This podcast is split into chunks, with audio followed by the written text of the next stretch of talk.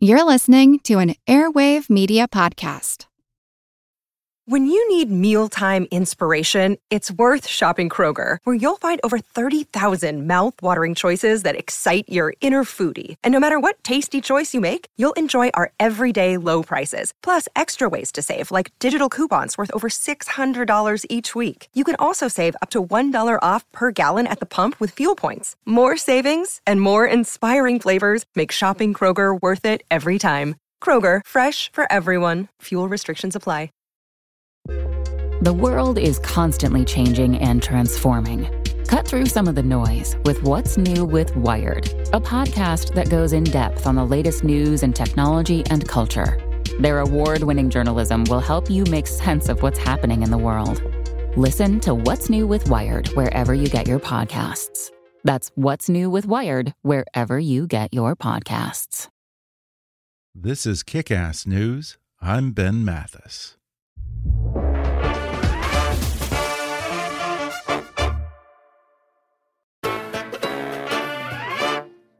You're fired.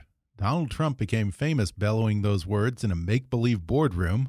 This November, tens of millions of Americans want to yell it right back at him.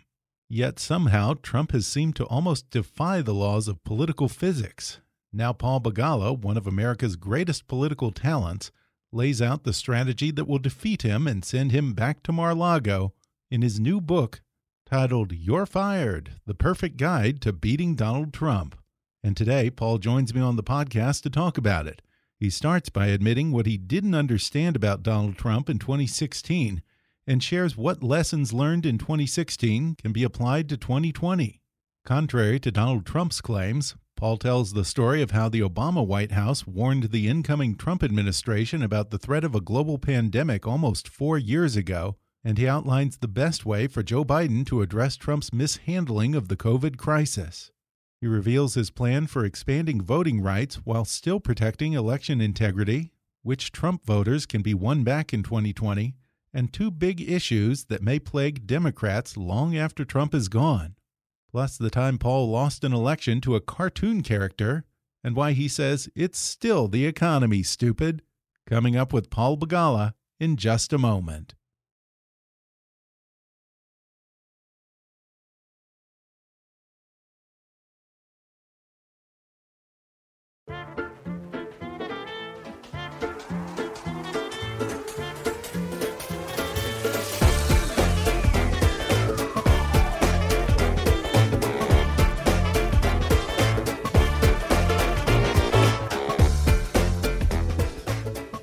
Paul was a chief strategist for the 1992 Clinton Gore campaign. He then served as counselor to the president in the Clinton White House, where he coordinated policy, politics, and communications. He was a senior advisor to the pro Obama super PAC that played a critical role in re electing Obama in 2012. And currently, Begala is a CNN political commentator and an affiliate professor of public policy at Georgetown University's McCourt School of Public Policy. He's also the author of six books, including his latest, You're Fired The Perfect Guide to Beating Donald Trump. Paul Begala, welcome to the podcast. Ben, thank you very much. Thanks for having me. Well, Paul, I have to tell you, I am impressed. On the back cover of your book, you have reviews from two U.S. presidents. You have Bill Clinton, who says, quote, Begala's book is heartbreaking, hilarious, hopeful, and helpful. It's wise, profoundly patriotic, and deeply moral. Read it. And then President Donald Trump says, Paul Begala, the dopey CNN flunky and head of the pro Hillary Clinton super PAC, has knowingly committed fraud in his first ad against me.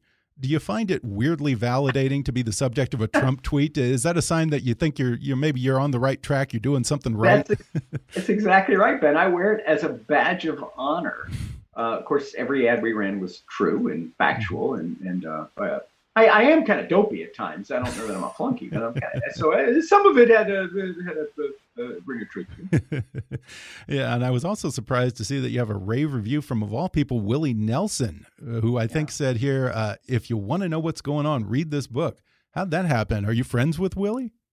I, I don't want to overstate. I know him. It's an Austin thing. I'm from Texas. I've been a fan of his forever, and I've mm -hmm. met him several times. And he and his wife Annie are terrific uh, progressive activists uh, in Texas and around the country. But I sent it to him because I worked very hard on the whole book, but I worked very hard on a chapter about rural America and how to drive a pickup truck between Trump and his voters. And I asked Willie to read it before I sent it to the publisher uh, because he, in addition to being a legendary singer and really a national treasure, Willie has been the most effective and dogged advocate for family farmers in this hmm. country for oh, yeah. four decades. He started Farm Aid, and right. he's still deeply knowledgeable about farm policy and farm families. And so I really wanted him. I cared desperately what he thought about it. He thought it was pretty good. So he gave me a, a nice endorsement of the book, which is terribly, terribly kind of him. Yeah, yeah, that's a great review. I, I love him. I've been listening to him since I was a kid. He and he's one of those yeah. people I'm still dying to get on the podcast. We haven't we haven't gotten him yet, but one of these days, I guess. Oh, you need to. Okay, we'll work on that. Well, speaking of Texans, Paul, uh, you and I actually have something in common. We grew up practically neighbors. I am originally from Richmond, Texas, and I guess you oh were God. raised right across the Brazos there in Missouri City, Sugarland area, huh? So you were you Lamar Consolidated boy? That exactly the Mustangs. Yep. I know the high school well. Yeah, we were we were rival schools on the other side, the east side uh, of the river, uh, at John Foster Dulles High School in Sugarland. Yeah, that's amazing. I did not know that. Yeah, yeah, it's a small world. I mean, you know, when I say that I'm from Richmond, they think Richmond, Virginia. No, I, I don't think I've ever met anyone who was that familiar with Richmond, Texas, unless they came from Texas. well, if I could, a quick bit of history from our home county that I did not know until the last few weeks. You know, with the with the uh, consciousness raising, of the woke uh, factor of Black Lives Matter, uh, a guy back in Sugarland uh, named Terrell Patel, who went to University of Texas after me, but I, I know him, who's also from Fort Bend County he found out that at in Richmond, at our courthouse, at the Fort Bend County Courthouse, there is a statue celebrating and commemorating the Jaybirds, who yes. were the most racist. They literally fought a war. It's a Jaybird War in 1889 uh, yeah. against the the the the, the, the pro Reconstruction uh, African Americans and whites who were progressive. They actually shot each other. They had a physical war, and our county celebrates the races. Yes. So Terrell got the county to cover the statue's covered up now. Oh, and really? I think going to move it. So there is progress even in Fort yeah. Bend County, which, by the way, I think Joe Biden's going to win Fort Bend County. Oh, no kidding. Well, yeah. I mean, yeah. with all the development in Sugarland and Missouri City and the areas where you were, yeah, I, I, can see that there would be a lot of Democratic voters ripe for the picking there. Yeah, definitely. Our home county, and, and imagine this, is now the 10th largest in Texas. It was small when I was a kid. Uh, but interestingly, it's majority non-white, full right. of immigrants, flooded yeah. with immigrants, mm-hmm. and those immigrants have taken our little county from being a rural backwater to being the wealthiest county in Texas. So oh, this whole notion, Stephen Miller and Donald Trump say, "Oh, immigrants really? are bad." Immigrants. Those immigrants made our home county the wealthiest county in Texas, which is one of the wealthiest states in America. Wow. Yeah, so that I God did not know. Hamilton was right. Immigrants get it done. Yeah, yeah, absolutely. Yeah, you know, it's hard to imagine that. You know, just a few years back, it was Tom DeLay's district. but, right. Well, um, now I, I, there's a guy running for Congress in DeLay's old district, mm -hmm. who I've campaigned for, Sri Preston Kulkarni. Hmm. And Sri ran the last time and lost narrowly. Sri, his dad came to Fort Bend County from India, seeking the American dream. Sri was born in the district and uh, speaks seven or eight languages, was in the foreign service uh, uh, working for our country all around the world. He's an amazing guy. So he ran the last time. Pete Olson, the Republican congressman who's retiring, attacked him. He called him an Indo American carpetbagger. Oh, wow. So Sri's answer was twofold. Uh, well, by the way, he was born in the district. Congressman Olson was not. But he pointed out that he was proud that his father came to Fort Bend County seeking the American dream. He came to Texas seeking the American dream. He said, you know, my mother's side of the family, they came to Texas seeking the American dream as well, but they came earlier. Her great great great grandfather was a guy named Sam Houston. Huh. Wow. So this guy is a direct descendant of Sam Houston and the son of an Indian immigrant seeking the American dream. That's that's Fort Bend County today, yeah. man. That's our home, and I'm so proud of him. He's going to win. That He's is the Democratic American congressman. Wow. Now, you also went to school at the University of Texas. And in fact, I think that I heard that your first political campaign was when you ran for student body president at UT. And there's a kind of a crazy story. I don't know if this is true. You initially lost to a cartoon character. Is that true? It's true. A great cartoonist named, uh, named uh, Sam Hurt created this character, Hank the Hallucination. and they had abolished student government. And so we brought it back uh, because they, they, were spending millions of dollars of our money. The administration was without students' influence, taxation without representation. So we recreated, resurrected student government, and Hank ran as a write-in candidate, Sam Hurt's cartoon character, the hallucination, and his slogan was "Get real." Well, Hank won, and of course the student court or whatever decided that a cartoon character couldn't serve, so they had a runoff against the two top humans. I won that, but that lesson, "Get real," has stuck with me. So here's what we did: students understandably didn't want student government, then they brought it back. We had to get real. So uh, I, I started a group, still active, called SURE, Students United for Rape Elimination. This is 37 years ago. But then and now, rape is a horrible problem, and particularly on campuses. So we started a, a, a an organization, uh, by the way, still supported today by Matthew McConaughey and oh, others. It's a terrific group at Texas that I'm proud to have started.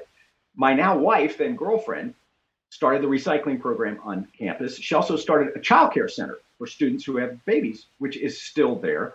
So we did things that affected people's lives. We got real. Instead of just making it a debating society or a resume pad, we actually delivered on things that mattered in kids' lives. Wow. We defeated a tuition increase in the legislature. We also defeated a move to raise the drinking age of 21. so that taught me a lot about government. It really did.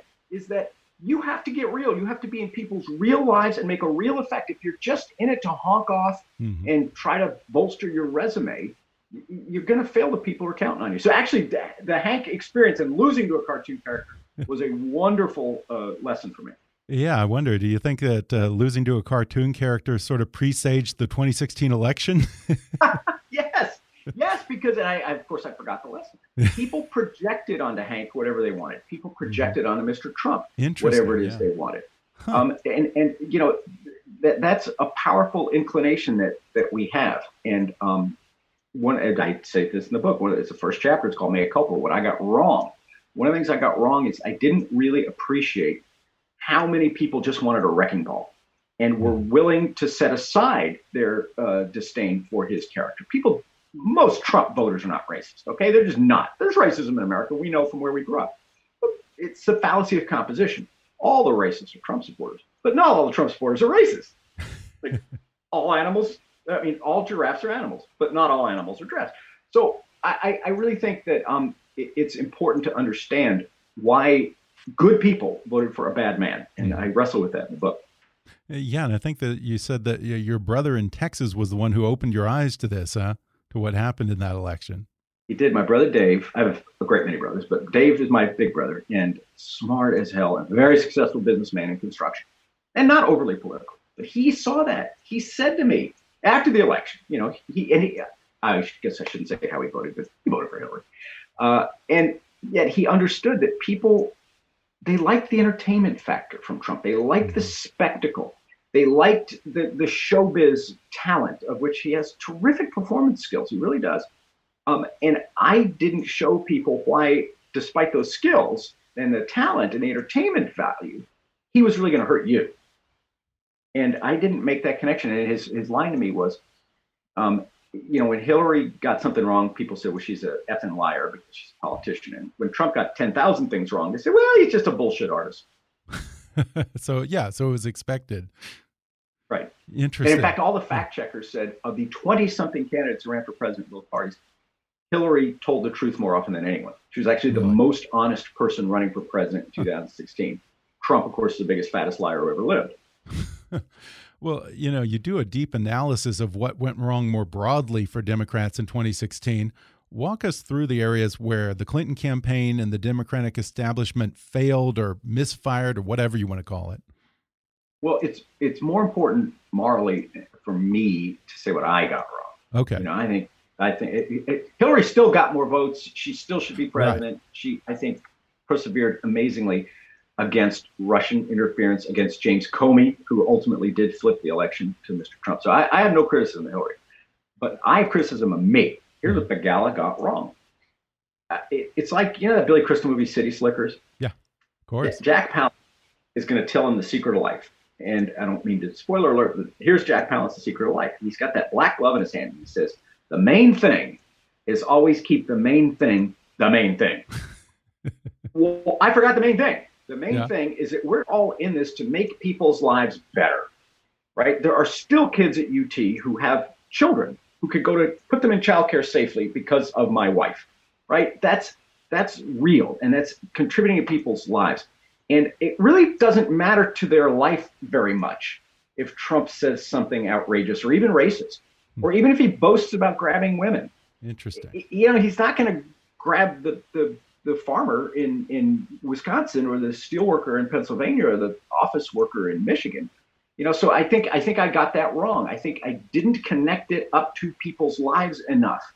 I was too distracted by this monstrous personal character of mm-hmm. Trump's and, and insufficiently connecting it to people's lives. Yeah, and that's something that you did a great job of with the ads that you ran against Romney in 2012. Do you think that that would have been a good playbook to go back to in 2016? I do. Now, in defense of myself and my colleagues at our PAC, we tested it. It didn't seem to work as well. Really? Hmm. Now, in hindsight, I say, I don't care. You know, we're, we're going to do it anyway. We had enough money, we could do both, to say the truth. I mean, we had $190 million. I mean, good Lord. So we could have done both anyway. And I think I was overly wedded to the, the research and the data, which said that, that that people could never vote for a guy who bragged about assaulting women and insulted POWs and mocked disability and called immigrants rapists. Um, but I, I, should have done it anyway. Mm-hmm. Um, but yes, that the, the, ads we ran against Romney never criticized his personal character because he's basically a man of very good character. Right. I don't agree with him on issues, but he's a, he's a good person. By the way, so was George H.W. Bush, who my boss Bill Clinton defeated. You know, he, Bush was a very good person, but we had different ideas. You couldn't get to that with Trump. You couldn't begin by saying, well, he's a good person. he's a horrible person.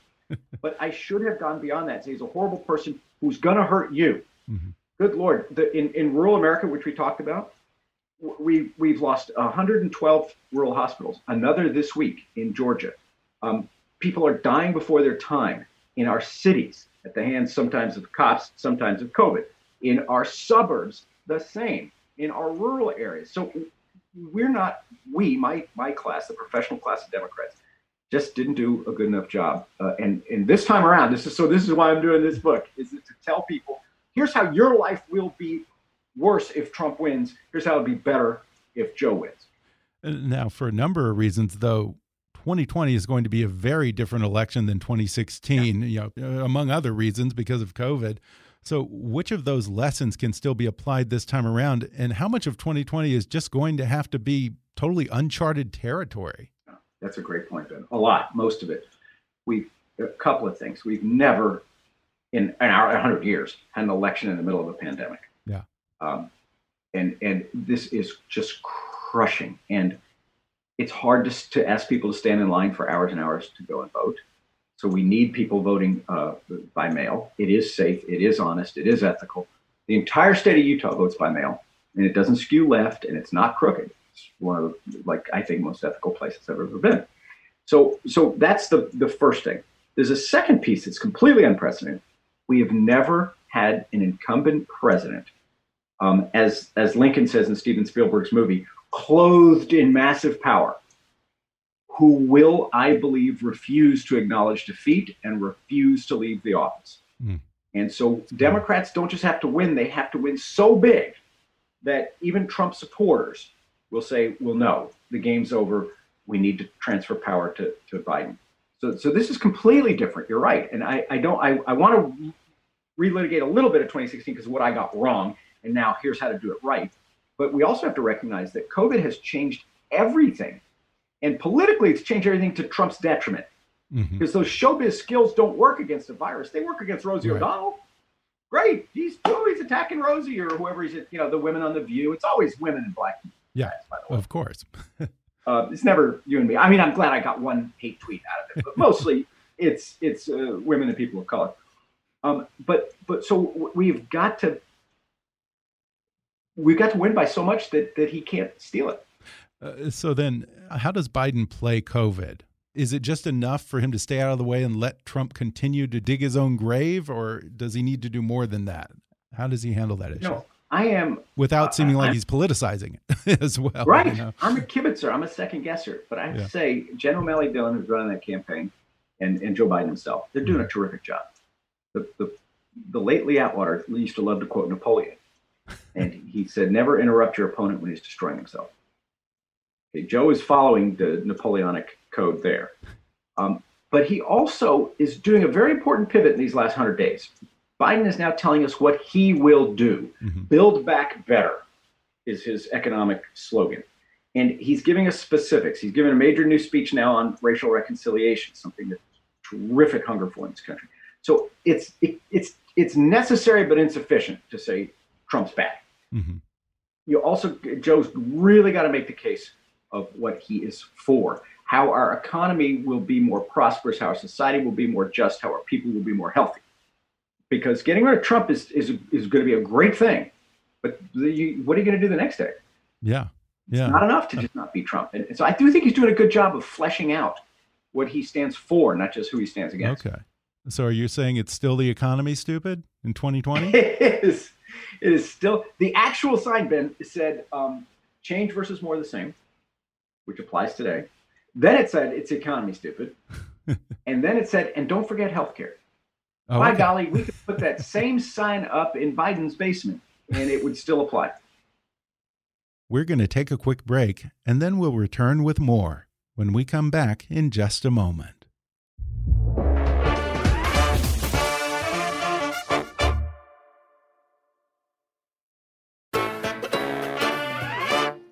You say in here that when it came to the economic stimulus packages and the bailouts for businesses, Republicans became socialist and Democrats pretty much became Republicans. Explain what you mean there.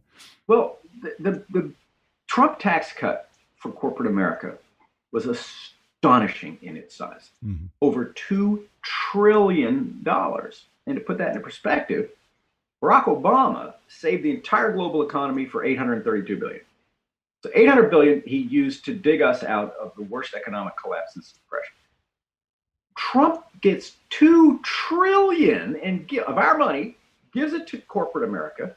Now, I'm not saying that the tax code didn't need to be modernized. I'm sure there's changes that need to be made. I'm not anti-corporate. I'm not anti-capitalism. Uh, uh, uh, but of all the crises America faced when Trump took office, corporate profits were not one of them. In fact, corporate profits were at a record high. And so, we, I, again, I, a thoughtful conversation about how to modernize the tax code. I'm all for it. But we have real crises. We have 48,000 people a year dying from opioids. A great many of them in Trump country, by the way. He should care about them too. I, do. I don't know that he does. Um, we have, a, of course, a healthcare crisis. Um, we we have, uh, as we've seen, a, a, racial justice crisis. So there were a great many crises that we should have addressed. By the way, our infrastructure is falling apart. You can't drink the water in Flint, Michigan.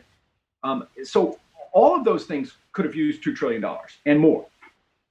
Um, but instead, he he targeted it to corporate America. I think Democrats need to put that on trial, and they need to say even before the COVID crash, Mr. Trump and his party have a series of economic ideas that say when corporate America is doing better than ever, we're going to give them stuff. And when middle America is, is struggling, we're going to take away stuff. The $2 trillion he spent cutting taxes for corporate America, he wants to pay for by cutting 2 trillion from Medicare, Medicaid, and Social Security. Democrats should make that case every day. But I remember that during the Democratic primary, Bernie accused Biden of also trying to cut Social Security and Medicare. Does it make it kind of a difficult issue for him as well? Should Biden be prepared for Trump to try to flip that issue back on him? He should. He should. And he should lean into it.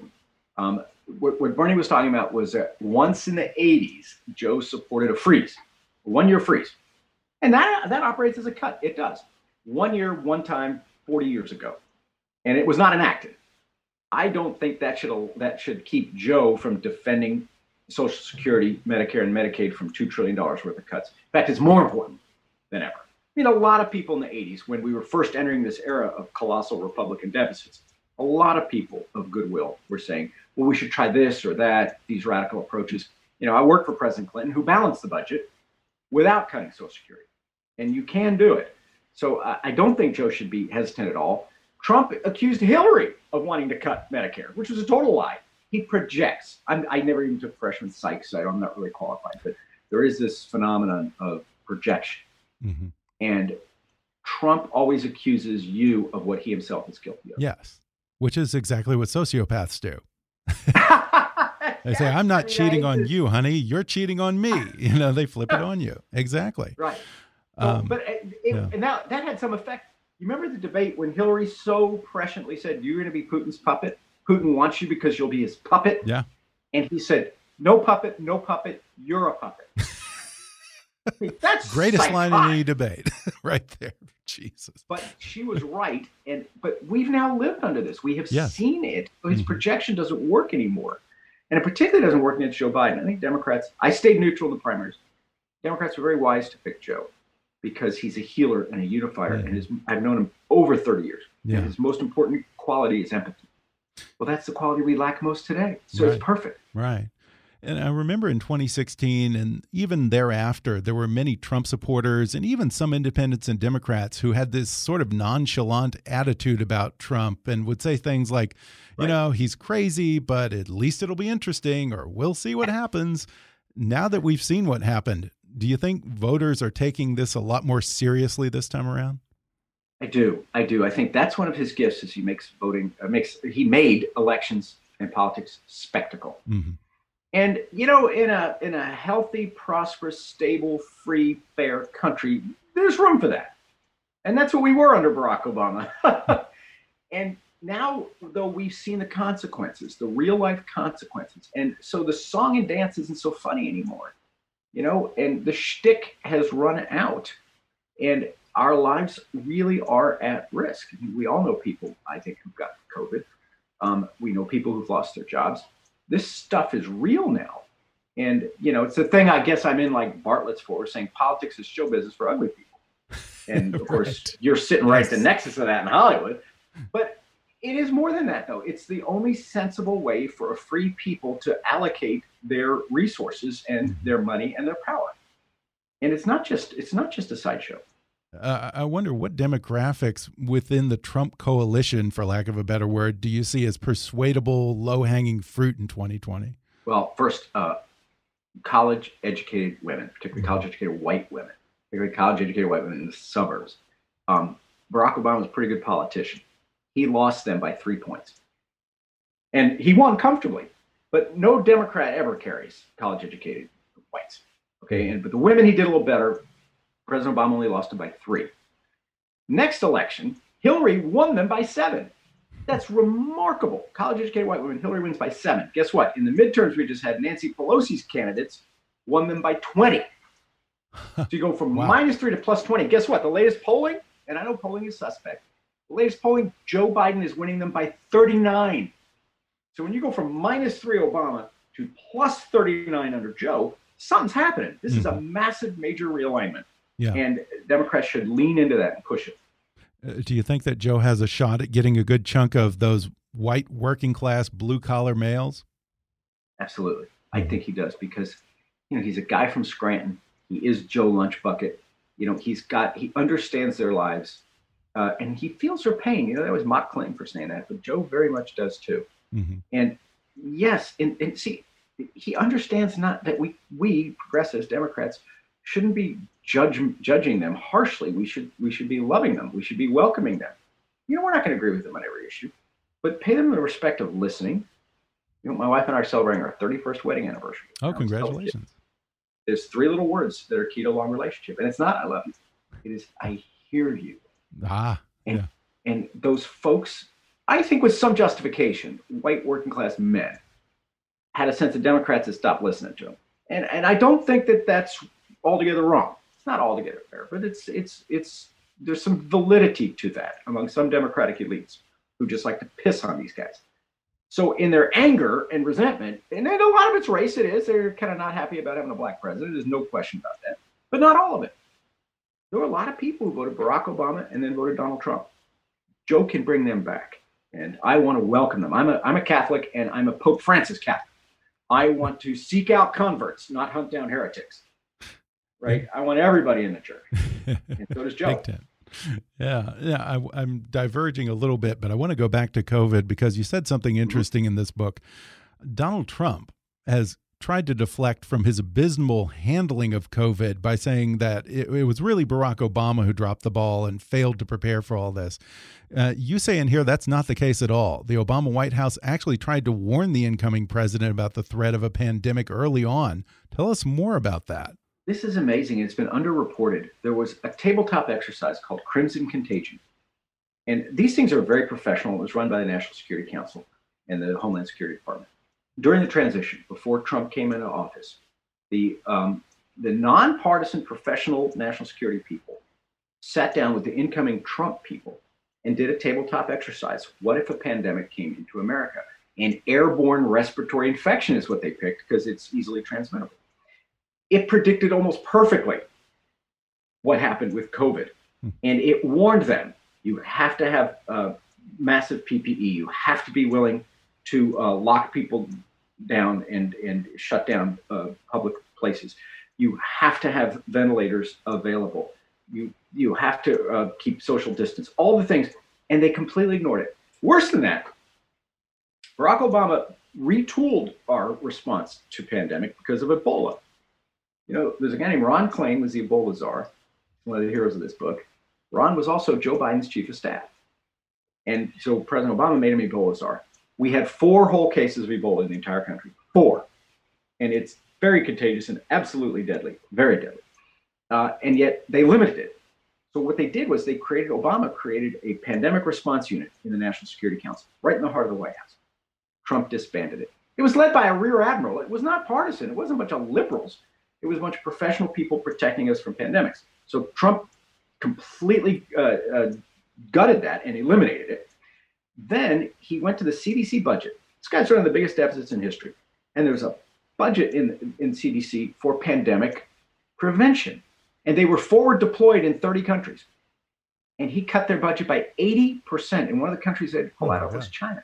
Wow. So Trump, what he, he didn't cause the virus. I know that. Sure. But the response was his responsibility in what he did and in what he failed to do. He is costing people their lives and their health. Mm -hmm. He mm-hmm. needs to be held to account for that. Yeah. And you also give lie to another claim of Trump's. Trump, who claimed that he was going to drain the swamp, has actually apparently put 170 special interest lobbyists in positions of power within our federal government. Who are these people and what parts of the government are they affecting? It's astonishing, Ben. I'm so glad you raised that.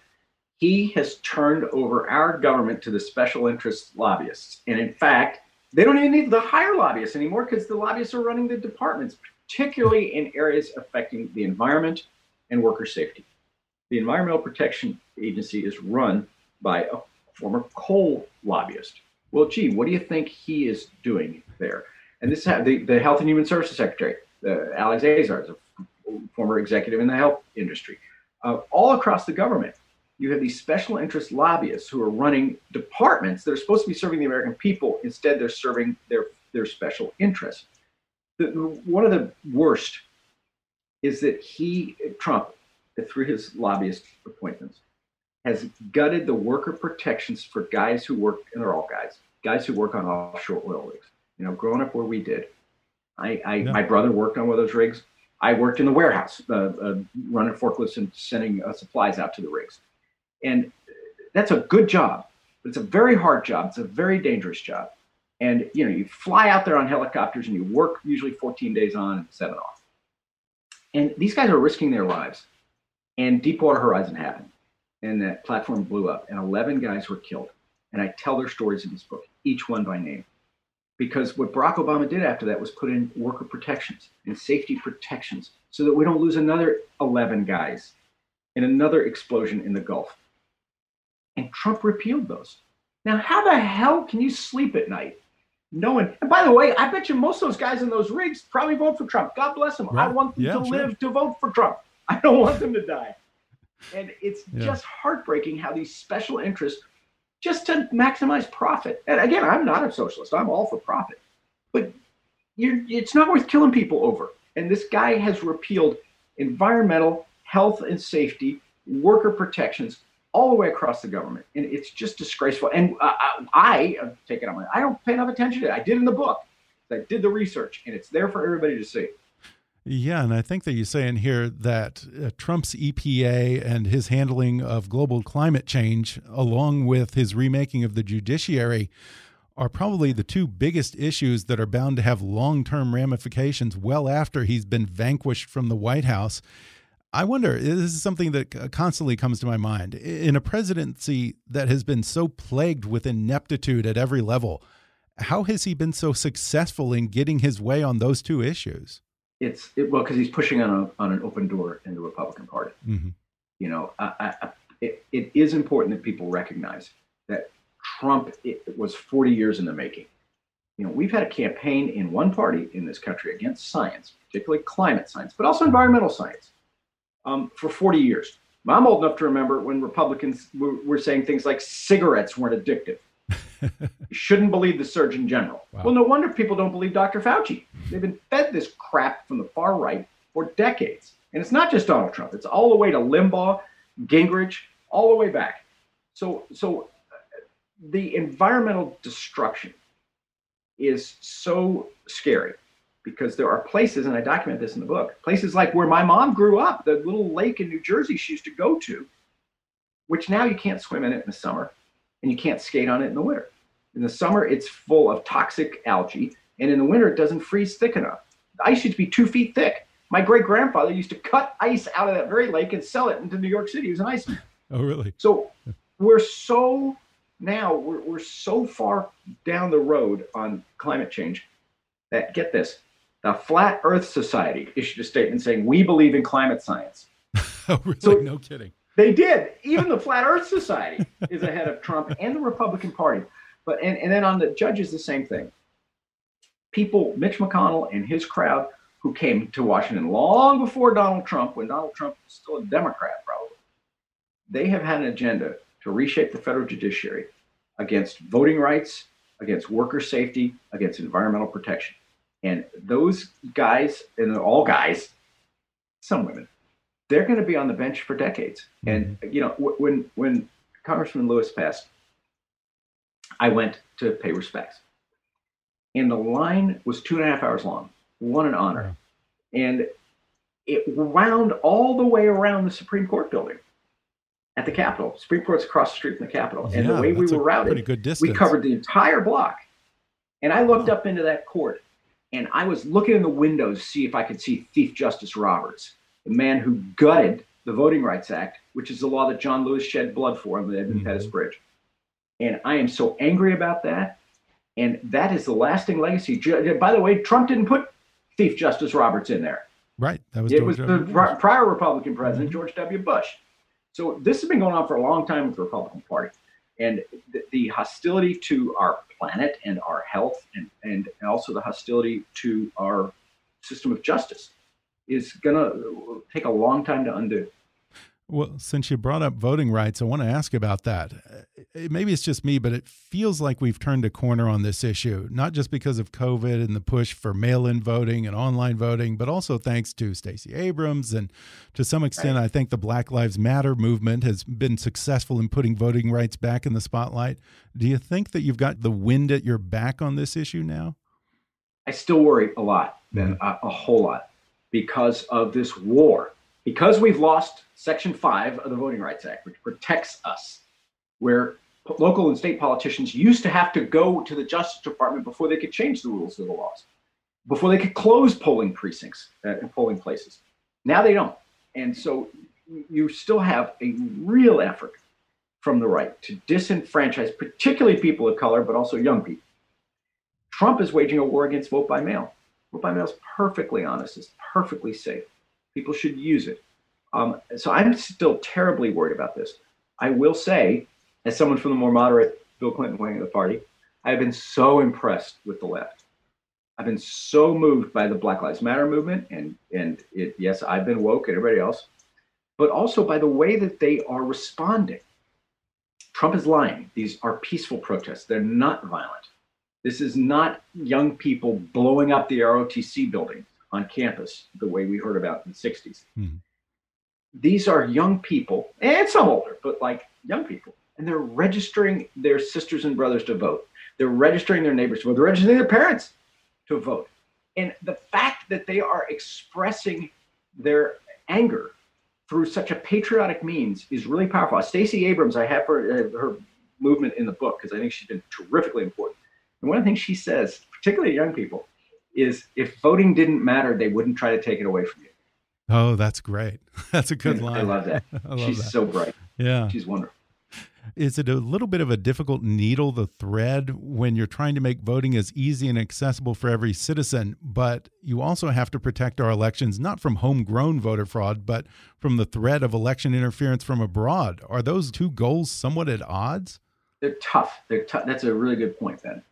Um, in-person voter fraud almost never happens. Right. I, I have the exact name of the book. It's something like six or seven zeros, point zero zero zero zero zero zero zero one three percent of ballots. It just never happens statistically. But we do have to be on guard for Russian or maybe even North Korean or Iranian or Chinese. There's a lot. We have a lot of enemies out there. Mm -hmm. All of them hate democracy. All of them want to disrupt American democracy. All of them want Trump because he's weak. Right. And in Putin's case, he's Putin's puppet. But believe me, Kim Jong Un does not want a strong, experienced, stable Joe Biden to go up against. He wants, you know, Trump. So I, I am worried about that. Uh, the way to guard against it is uh, a lot of which Nancy Pelosi has passed and, and even gotten through the Senate. Uh, paper, paper, paper, paper. Paper um, trail. Uh, uh, another is a paper. So there's a paper trail. Another is people should bring their their phones to the polling place, and if they see something, they should record it. If oh, they see somebody harassing or intimidating mm-hmm. uh, voters, they should record that. Uh, another thing, and I hope your listeners will ponder this: if you can and it's safe, volunteer to be a poll worker. You know, those poll workers are the majority, over 50%, are older than 60, and a large percentage are over 75 and they're great and they're heroes, but we they, they are particularly susceptible to COVID. And so, you know, your audience is, is younger. If they can, and I don't want anybody to risk their health, but if they're in a position where they can safely use PPE and volunteer a few hours as a poll worker, that will be terrific because that'll shorten the line. Mm-hmm. We have more people working the polls, more people can vote. You don't have to stand in line as long. The best solution is to vote by mail or to vote early if your state allows it. But the second best is volunteer to be a poll worker. And I think that's a great segue into the way that you conclude your book by harkening back to JFK's call to national service and suggesting that America needs to renew her commitment to these programs like Peace Corps and AmeriCorps. Before we go, I have to ask at a time when most people are just trying to survive, what is the argument to be made for national service? Well, as you know from having uh, interviewed Stan McChrystal on this podcast, uh, General McChrystal, I, am a great admirer of his and his commitment to national service, and I share that commitment. Um, it's the most important thing we can do in a crisis. First off, because we need to address the crisis, and service can do that. We can deploy young people uh, into COVID work.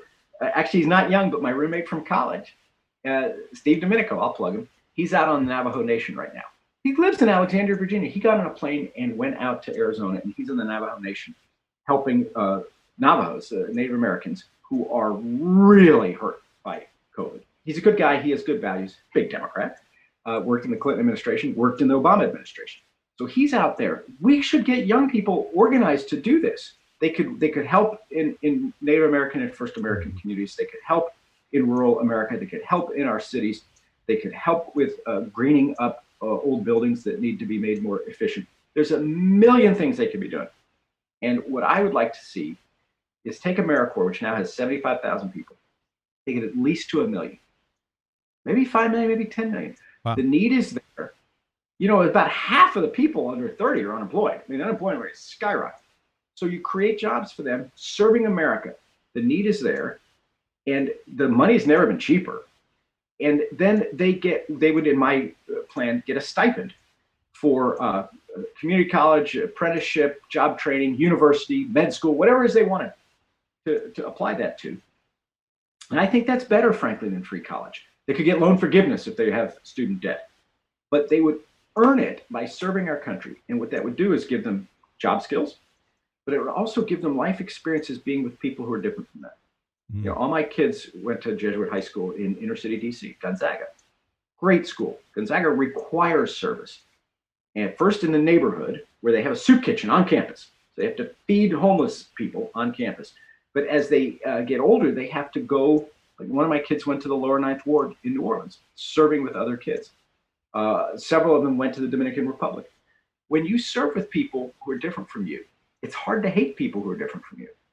And so I think it would also stitched together our social fabric so that, like, my well off white kids from the privileged suburbs will get to know people who live a very different life and get to ad- admire and appreciate them, and vice versa.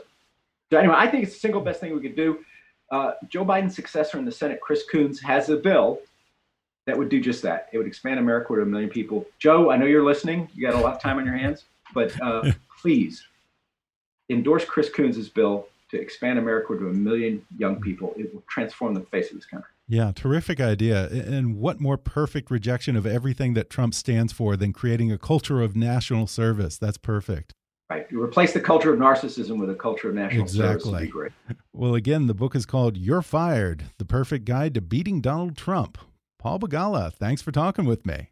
Thanks so much. This is terrific. And always good to see a fellow Fort Bend County boy. Thanks again to Paul Begala for coming on the show. Order his new book, You're Fired The Perfect Guide to Beating Donald Trump, on Amazon, Audible, or wherever books are sold. Follow Paul on Twitter at, at Paul Begala and look for his frequent political analysis on CNN. If you enjoyed today's podcast, be sure to subscribe to us on Apple Podcasts and rate and review us while you're there. Five star ratings and detailed reviews are one of the best ways for new listeners to discover the show. You can also follow us on Facebook or on Twitter at, at KickassNewsPod and recommend us to your friends on your social media. For more fun stuff, visit kickassnews.com, and I welcome your comments, questions, and suggestions at comments at kickassnews.com. For now, I'm Ben Mathis, and thanks for listening to Kickass News.